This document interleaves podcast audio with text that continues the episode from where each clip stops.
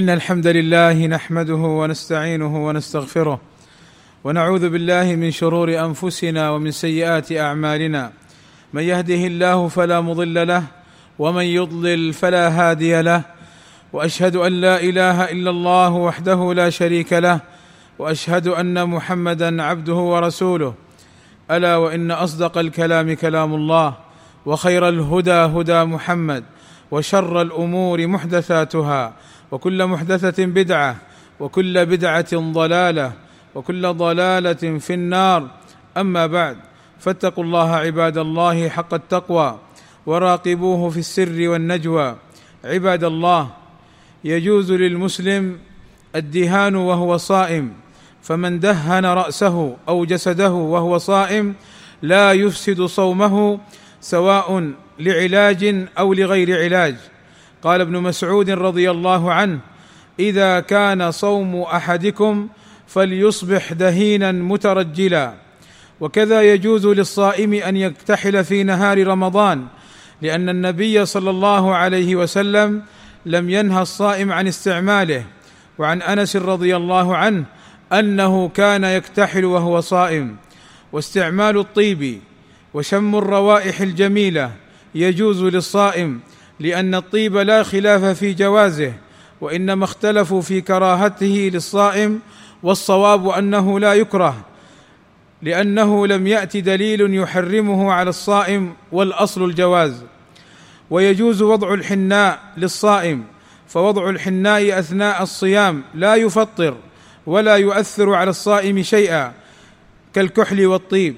ويجوز للصائم أن يقص ظفرا أو يحلق شعرا في نهار رمضان فحلق الشعر وقص الأظافر ونتف الإبط وحلق العانة كل ذلك لا يفطر الصائم ولا يؤثر في صيامه بإذن الله لأن الشارع لم ينه عن ذلك.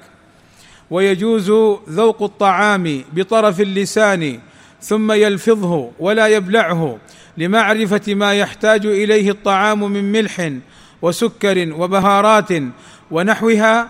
قال ابن عباس رضي الله عنهما لا بأس أن يذوق الخل أو الشيء ما لم يدخل حلقه وهو صائم. ومن أصبح محتلما أي خرج منه المني وهو نائم فلا شيء عليه ولا قضاء سوى أنه يجب عليه أن يغتسل للجنابة إذا نزل المني. ويجوز لمن أجنب من أهله أو من احتلام أن يغتسل بعد أذان الفجر لأن النبي صلى الله عليه وسلم كان يصبح جنبا من أهله وهو صائم ثم يغتسل بعد أذان الفجر. فلا حرج عليك يا عبد الله إذا أذن عليك أذان الفجر وأنت جنب من أهلك أن تغتسل بعد الأذان. ويجتنب الصائم إدخال شيء في فمه يمضغه.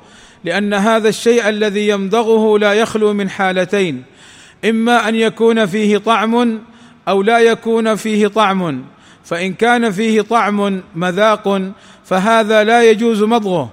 وإن لم يكن فيه طعم فهو مكروه مثل البلاستيك ونحو ذلك. ومن أفطر بسبب وقوعه في الجماع في نهار رمضان فعليه أن يكفر بعتق رقبة. فإن لم يستطع فبصيام شهرين متتابعين لا يفصل بينهما إلا لعذر شرعي فإن لم يستطع فبإطعام ستين مسكينا كما جاء في الحديث عن النبي صلى الله عليه وسلم. وهنا لا بد من التنبيه على الأمور التالية منها أنه إذا جامع زوجته نهارا في رمضان مرة أو مرات في يوم واحد فعليه كفارة واحدة. وإذا جامع في أيام متفرقة متعددة من رمضان فعليه كفارات على عدد الأيام التي جامع فيها. ويجب على المجامع في نهار رمضان القضاء والكفارة ولو كان جاهلا. ومن لم يستطع العتق وجب عليه الصوم في شهرين متتابعين. ولا يجوز الانتقال إلى الإطعام إلا إن عجز عن الصيام. ومن تعين في حقه الإطعام لا يجوز دفع الفلوس ونحوها بدلا من الإطعام ولا يجزئه ذلك. والإطعام هو نصف صاع لكل مسكين من بر أو تمر أو غيرهما من طعام البلد. والله أسأل أن يجنبني وإياكم الخطأ والزلل وأن يغفر لنا الذنوب والآثام والزلات إنه غفور رحيم مجيب الدعاء. الحمد لله وكفى والصلاة والسلام على نبينا المصطفى وعلى آله وصحبه أولي النهى ومن بهديهم اقتفى فاكتفى. عباد الله وإذا كان الصائم يعاني من خروج السائل المنوي أثناء الصيام بدون احتلام أو ممارسة العادة السرية وكذا إذا خرج من بعد البول سائل غليظ يشبه المني وهو المعروف بالودي فصومه صحيح إن شاء الله ولا قضاء عليه. والمرأة الحائض تفطر وليس لها أن تستمر في صيامها والواجب عليها الفطر والقضاء وقضاء الأيام التي أفطرتها. بعض النسوة إذا دخل عليها الفجر وهي صائم ثم حاضت بعد الفجر تمسك عن الطعام والشراب إلى الغروب ولا تقضي هذا اليوم.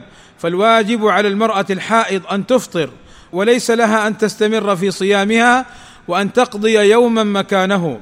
فعن عائشة أم المؤمنين رضي الله عنها وأرضاها قالت كنا نحيض على عهد رسول الله صلى الله عليه وسلم فيأمرنا بقضاء الصوم ولا يأمرنا بقضاء الصلاة.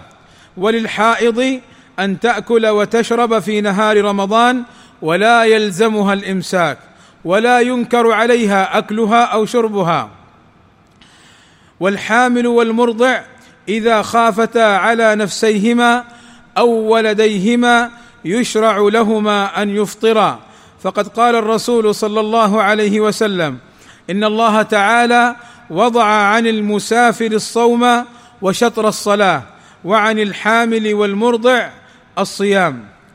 ولا يجوز للمرأة استعمال حبوب منع خروج الحيض لما فيه من الضرر على الرحم والأعصاب والدم.